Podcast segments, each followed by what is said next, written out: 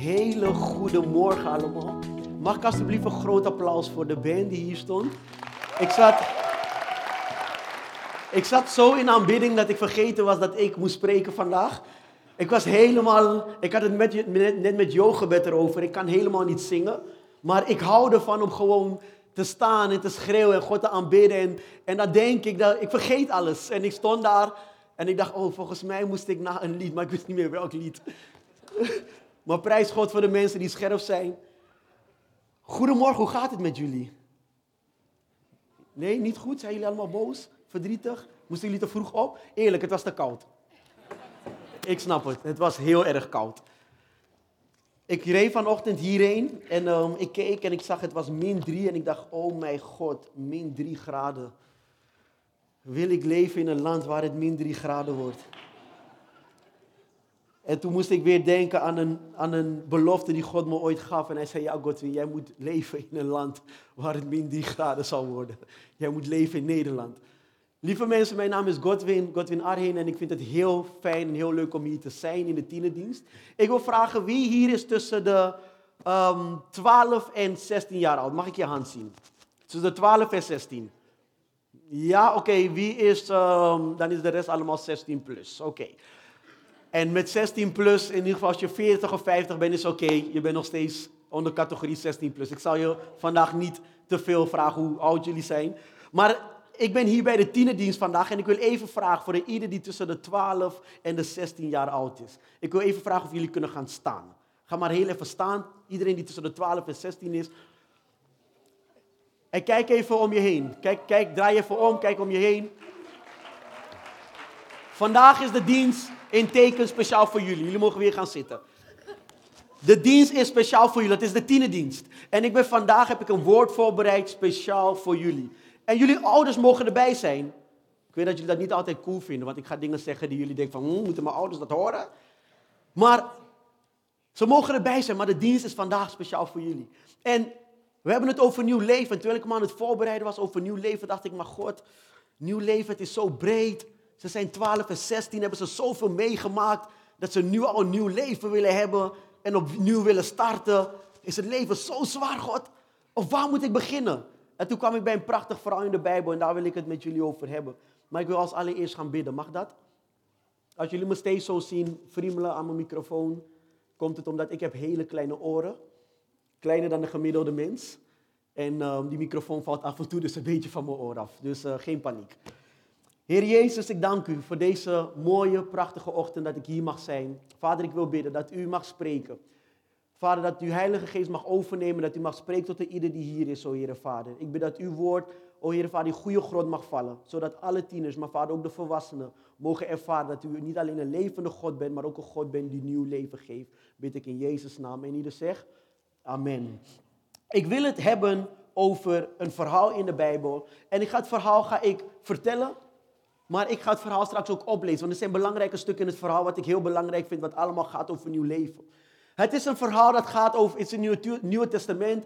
En Jezus, die was een, hij was een coole gozer. Als ik denk aan Jezus, denk ik echt aan een hele coole man. Hij, hij had gewoon, er waren altijd mensen om hem heen, dan moet je cool zijn. Als er constant mensen om je heen zijn, dan moet je cool zijn. Tegenwoordig hebben wij dat met volgers, zien jullie dat hij valt? Tegenwoordig hebben wij dat met volgers. Kijk, dames en heren, mag ik applaus voor de soundman, de echte, echte grote held onder ons. Die komt met de juiste oplossing. Zet ik deze even weg. Ja, dat is wat. Dat zijn de hardwerkende mensen van de kerk, hè? De mensen die helemaal achterin zitten. En op een gegeven moment wat er gebeurt is dat Jezus die heeft constant mensen om zich heen. Maar hij heeft ook mensen die steeds kritiek op hem hebben. Maar dat, dat zal je natuurlijk hebben als je steeds heel veel mensen om je heen hebt. Maar wat ik zo mooi vind is, er is een verhaal en het staat in Marcus, maar Matthäus die vertelt het ook. En het gaat over een vrouw die al heel lang bloed aan het vloeien is. Al twaalf jaar lang, zegt de Bijbel. En er is een andere man, die komt naar Jezus toe. En ik wil dat stuk even met jullie lezen.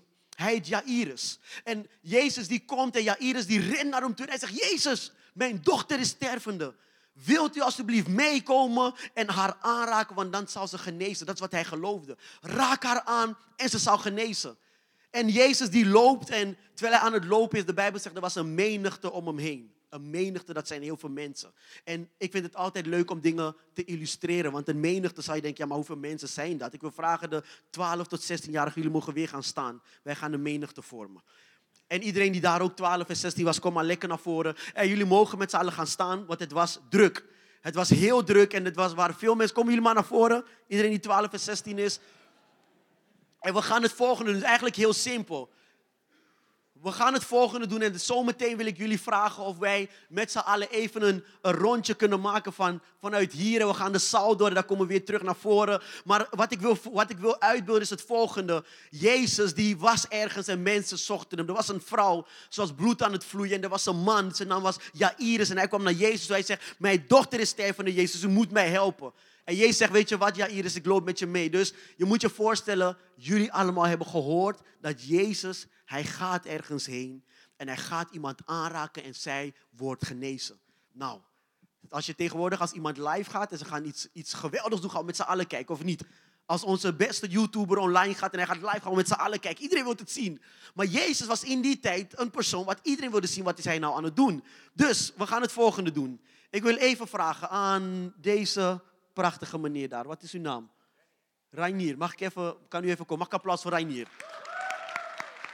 Lieve mensen, Reinier is onze Jezus. Reinier die gaat zo meteen lopen. En terwijl hij loopt wil ik jullie vragen om achter hem te lopen. Jullie gaan een rondje met hem lopen. Maar terwijl Reinier aan het lopen is, Reinier, je mag rustig je, je tijd nemen. Want Jezus die had geen haast.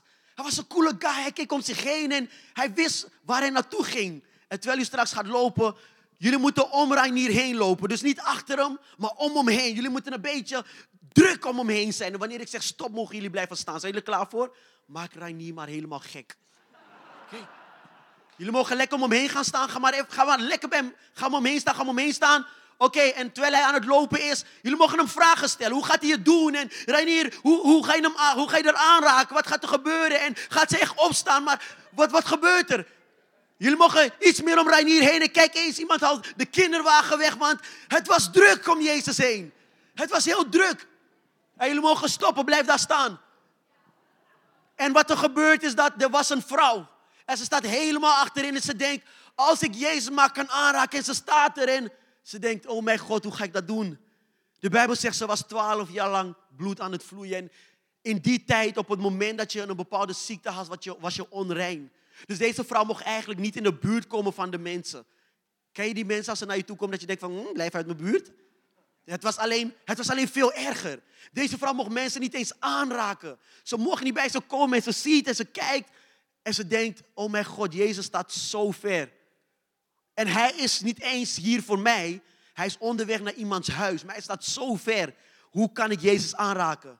En de Bijbel zegt, die vrouw die begint te kijken en ik kan me voorstellen dat ze niet dacht van, hé, hey, mag ik langs? Nee, ze was net als die jongen, die, ze rent gewoon. Ze gaat en ze probeert te kijken en ze gaat en Reinier, je mag doorlopen. Terwijl ze probeert te lopen, hij loopt door. Ze denkt, zal ik hem, zal ik hem roepen? Gaat Jezus mij horen? Jullie mogen allemaal heel veel lawaai maken, tieners. Maak maar heel veel lawaai, laat je horen. Ze denkt, Jezus, gaat hij me horen? Heeft hij me gehoord? Heeft hij me gehoord? Nee, nog steeds niet. En hij blijft maar lopen, hij blijft maar lopen. En Ranier, je mag weer stoppen. En de Bijbel zegt, deze vrouw die ging en ze dacht, als ik maar zijn mantel aanraak. Als ik maar Jezus kan aanraken. En er waren wat mensen om Jezus nog steeds en ze denken, als ik hem maar kon aanraken. Als ik maar een deel van zijn mantel kan aanraken, dan zou ik genezen worden. En Jezus die staat en die vrouw die raakt hem aan. En Jezus die is, ik heb al gezegd, hij is een coole gozer. Dus hij draait zich om en hij zegt, wie heeft mij aangeraakt? Er zijn zoveel mensen om Jezus heen, maar hij zegt gewoon, wie heeft mij aangeraakt? En de Bijbel zegt, op dat moment besefte de vrouw wat er gebeurd was. Zij was genezen. En Jezus, je mag even blijven staan.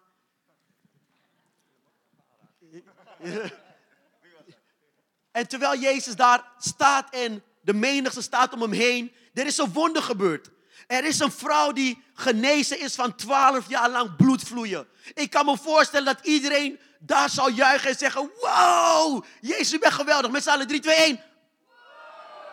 Ik, ik kan me voorstellen dat ze dat misschien dachten, maar de Bijbel zegt dat helemaal niet. Jezus die zegt: Wie heeft mij aangeraakt? En hij kijkt naar achter en iedereen kijkt hem een beetje raar aan van, maar gaat het goed met die Jezus? Is, is hij in een land waar het min 3 graden is? Is het te koud voor hem? Of is het te warm? Wat, wat gebeurt er? Er zijn zoveel mensen om u heen, Jezus. Waarom zegt u, wie heeft mij aangeraakt? En hij zegt, hij voerde kracht uit zich aan. Hij voerde kracht uit zich aan. En kennen jullie, ik hou van series kijken, maar ik hou van series waarbij je op een bepaalde tijdstip zie je een, een, een bepaalde view. Dus ze kijken met een bepaalde gedachte of een bepaalde um, um, um, camera naar een bepaalde plek. Maar dan zie je verder in de serie, komt er op een gegeven moment komt er vanuit een andere plek, komt dezelfde situatie, zie je weer. Dus die vrouw die bloed vloeide, die, die staat met Jezus, we zien een wonder.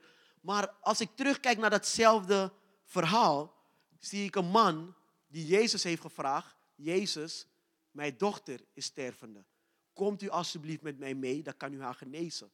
En terwijl Jezus daar staat en er gebeurt een wonder. Je mag even juichen, alle tieners, want Jezus heeft een wonder gedaan. Juich maar voor Jezus, klap even voor hem, hij is geweldig. En ze denken, wauw.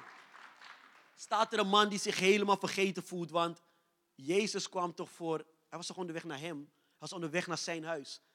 En er komt een andere man bij mij en zegt, hey, uw dochter is net overleden. Kan je je voorstellen hoe gek dat is? De ene die viert blijdschap en bij de ander krijgt slecht nieuws. Uw dochter is overleden. En terwijl Jair terug naar Jezus gaat, Jairus, hij zegt tegen Jezus, Jezus, u hoeft niet meer te komen, ze is al overleden. Zegt, hij, zegt Jezus tegen hem, maak je niet druk, heb geloof. Heb geloof. En Jezus die blijft lopen en je mag, je mag, jullie mogen hierheen lopen. Jezus die loopt naar zijn huis. Jullie mogen wel iets enthousiaster over Jezus zijn hoor.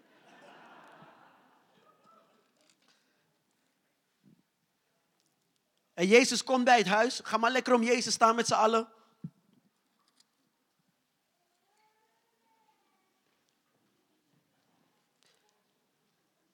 De Bijbel zegt in Marcus, hoofdstuk 38. Sorry, hoofdstuk 5, vers 38. Zegt het, toen zij bij het huis van Jairus kwamen, klonk daar gehuil en gejammer. Jezus ging naar binnen en vroeg, waarom maakt u zoveel lawaai? Waar is dit gehuil voor nodig? Het kind is gestorven, het kind is niet gestorven, het slaapt. Zij lachte hem in zijn gezicht uit. Maar Jezus stuurde ze allemaal de deur uit en ging samen met de ouders van de drie en met de ouders en drie leerlingen naar de kamer van het kind. Hij nam het kind bij, zijn, bij de hand en zei, Talita kum, dat betekent sta op meisje. Het meisje dat twaalf jaar was, sprong uit haar bed en, kwam meteen, en kon meteen weer lopen. Haar ouders wisten niet wat zij zagen. Zij waren helemaal ondersteboven van. Jezus drukte hen op hun hart om niemand te vertellen wat er was gebeurd. Voor hij wegging, zei hij dat ze dat meisje te eten moesten geven. Jullie staan echt cool naast Jezus, man. Zo. Het ene verhaal wat eigenlijk heel, heel, heel dramatisch leek op het moment dat Jezus aan de wonder had gedaan, daar is eigenlijk waar ik het over wil hebben vandaag, over het nieuw leven. Weet u, er zijn situaties en ik vroeg me af, Jezus, hoe moet ik het hebben over voor tieners, over een nieuw leven? En toen bracht God me bij dit verhaal en de Bijbel is heel specifiek. De Bijbel zegt dat het was een twaalfjarig meisje. Met andere woorden, ook de tieners. En ik wil heel even eerlijk zijn met jullie, want soms denken onze ouders dat wij niet door problemen gaan. Of niet? Hun zijn de volwassenen en hun gaan door alle problemen heen. Maar wij, nee, we hebben alleen school. We, hebben alleen, we gamen alleen. We zitten alleen op TikTok. Nee, we hebben, we, hebben, we hebben geen problemen. Soms lijkt het wanneer je opgroeit alsof de volwassen wereld de enige wereld is waar je op moet voorbereiden. Want die volwassen wereld is straks zo hard. Je wordt straks 18 en je moet je rijbewijs halen. Je moet je eigen zorgverzekering betalen. Het wordt alleen maar duurder. Je wordt 18 en je wordt uit huis en je kan helemaal niks, want dat leven is zo zwaar. Maar wat is het met het leven van een 12-jarige op dit moment? Die kan ook zwaar zijn. Die kan ook moeilijk zijn. En het mooie is, daar is Jezus juist in hun midden. Weet u, een nieuw leven begint niet zozeer bij wanneer je zo je leven verpest hebt en je bent 40 jaar en je denkt, weet je wat, nu ga ik mijn leven veranderen. Er zijn twee, dit, verhaal wordt in twee Bijbelboeken verteld. Eentje is Matthäus en de andere in Marcus. Matthäus die vertelt een beetje grof, maar wat Matthäus wel vertelt is dat hij, hij somt een paar wonderen op die Jezus in één hoofdstuk doet. En dat zijn de zeven, waaronder deze ook komt. En het mooie is dat iedere keer dat Jezus dingen doet, iedere keer dat Jezus mensen aanraakt, verandert hun leven en krijgt ze een nieuw leven. Ongeacht hun leeftijd. Ongeacht wat hun situatie is, ongeacht waar ze doorheen gingen. Iedere keer dat Jezus iemand aanraakte, kregen ze plots een nieuw leven. En Jezus zei iedere keer tegen ze, zeg het tegen niemand. Maar iedere keer vertelden ze het aan iedereen. En een hele dorp, een hele stad begon erover te horen. Want hun leven was plotseling veranderd. Ik kan me herinneren toen ik, en dat klinkt zo gek, toen ik jullie leeftijd was. Ik ben helemaal niet zo oud, maar toen ik jullie leeftijd was, ik ben nu net 17. Nee, ik ben nu 29 inmiddels. Maar ik kan me herinneren toen ik 16 was, dat ik me soms voelde als die bloedvloeiende vrouw. Dat ik het gevoel had dat iedereen om Jezus stond, maar ik mocht er niet bij komen. Oh, Jezus was voor iedereen, maar hij was niet voor mij. Jezus stond te ver. Ik had te veel, te veel. Ik keek naar mezelf als iemand die niet waardig genoeg was om Jezus aan te raken. En ik kan me voorstellen dat die vrouw hetzelfde had. En soms ga je door het leven en je kijkt naar jezelf en je weet niet of je jezelf überhaupt mooi vindt en of jij wel bij Jezus mag komen.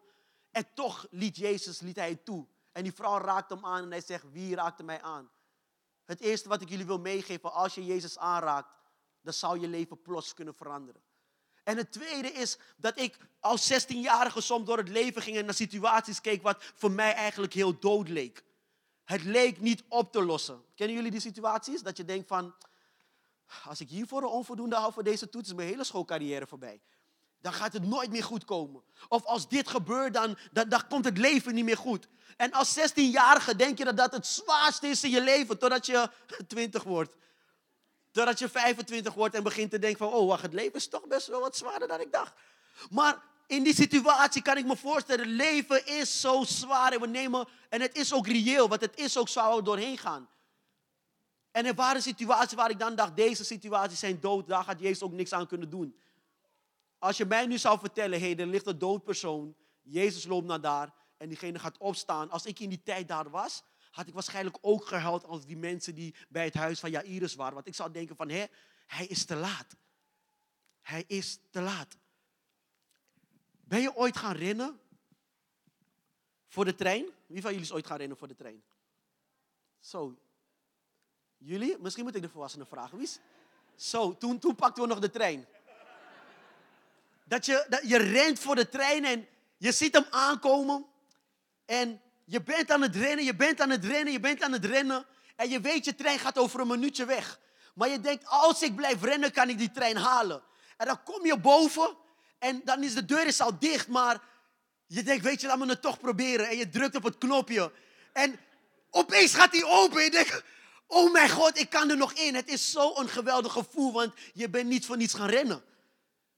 Terwijl je niet even... En dan zit je nog drie minuten in die trein. En die trein gaat nog steeds niet weg. En je denkt bij jezelf, waarom ben ik überhaupt gaan rennen voor die trein? Het, het gekke is dat soms denken wij dat situaties waar wij naartoe rennen, dat we te laat zijn of Jezus kan er toch niks aan doen. Weet je, hoe ouder je wordt, hoe meer je erachter komt dat Jezus gewoon rustig op je wacht en hij ziet je rennen. En hij is net een conducteur en hij kijkt en hij denkt van, die maakt zichzelf zomaar moe. Je had ook even kunnen zwaaien hem, kon je weten, hey, rustig aan. En komt die trein binnen en je vaart de rust.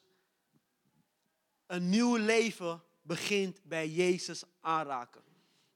En ik weet zeker dat de ouders daarvan kunnen getuigen, maar ik heb jullie heel bewust gevraagd te, te staan vandaag. Want ik wil dat ze heel lang naar jullie kijken en dat jullie heel awkward voelen. Maar ik heb er heel bewust voor gekozen om één ding vandaag te doen. Dat is om jullie te onderscheiden van een ieder die in de zaal zit, omdat ik soms het gevoel heb dat wij als tieners ons niet gezien voelen. En vandaag wil ik dat jullie weten dat Jezus die ziet jullie en hij kijkt naar jullie. En alles waar je doorheen gaat, elke stap die je maakt, elke stap naar volwassenheid, elke stap naar een jaar ouder, is een stap waarbij, kijk even naar hem, waarbij je simpelweg kan kijken, Jezus die staat bij je. En het mooie is dat Jezus, die geneest de vrouw, hij geneest de dochter van Jairus, ze staat op en hij loopt weg en dan zegt hij één ding tegen ze, dat vond ik altijd zo gek. Hij zegt, als ik wegga, geef haar te eten. En ik dacht, waarom, waarom zei Jezus dat? Geef haar te eten. Hij zei dat om een hele belangrijke reden. Wij zijn, wij zijn mensen die van eerst zien dan geloven, toch? Ik, ik, ik ben ook zo opgevoed. Ik moet eerst iets zien, dan kan ik het geloven. Als ik je nu zeg, ik kan drie auto's achter elkaar, zou je me zeggen, eerst zien dan geloven. Ik was hier twee jaar geleden, dat hoorde ik net. Ik dacht dat het iets korter was, maar het was twee jaar geleden. En ik dacht nog bij mezelf dat ik sneller was dan sommige tieners hier in de kerk. Ik zal geen namen noemen, sommigen zitten achterin. En we gingen rennen. En ik kan me nog een beetje herinneren dat ik voorop aan het rennen was. Dat dacht ik dan. Ik hoor net dat ik vet was ingemaakt toen de tijd. En dat ik achterin aan het rennen was. En dat ik helemaal niet de snelste was. Maar ik dacht eerst zien, dan geloven. Laat me eerst zien, dan zal ik geloven. En zo dachten deze mensen ook. Dus Jezus zegt, geef haar te eten. En hij zegt dat om de volgende reden. Een dood persoon, die heeft geen behoefte aan eten. Maar een levend persoon, die heeft wel behoefte aan eten. Iemand die leeft, het is het bewijs dat je leeft wanneer je eet. Dus Jezus zegt eigenlijk tegen ze, weet je wat, jullie, jullie, ik heb haar uit de dood gehaald, ik heb een wonder gedaan, maar jullie zoeken toch nog bewijs. Hier is jullie bewijs. Geef haar te eten. En zo soms ook bij ons. We horen over Jezus. Hoeveel van jullie hebben over Jezus gehoord van je ouders? Ja, anders moeten we een paar ouders die hier even een paar gesprekken voeren. Je hebt over Jezus gehoord. Wie heeft de Bijbel van jullie? Wie heeft ooit de Bijbel gelezen? Oké, dan ga ik nu een hele directe vraag stellen.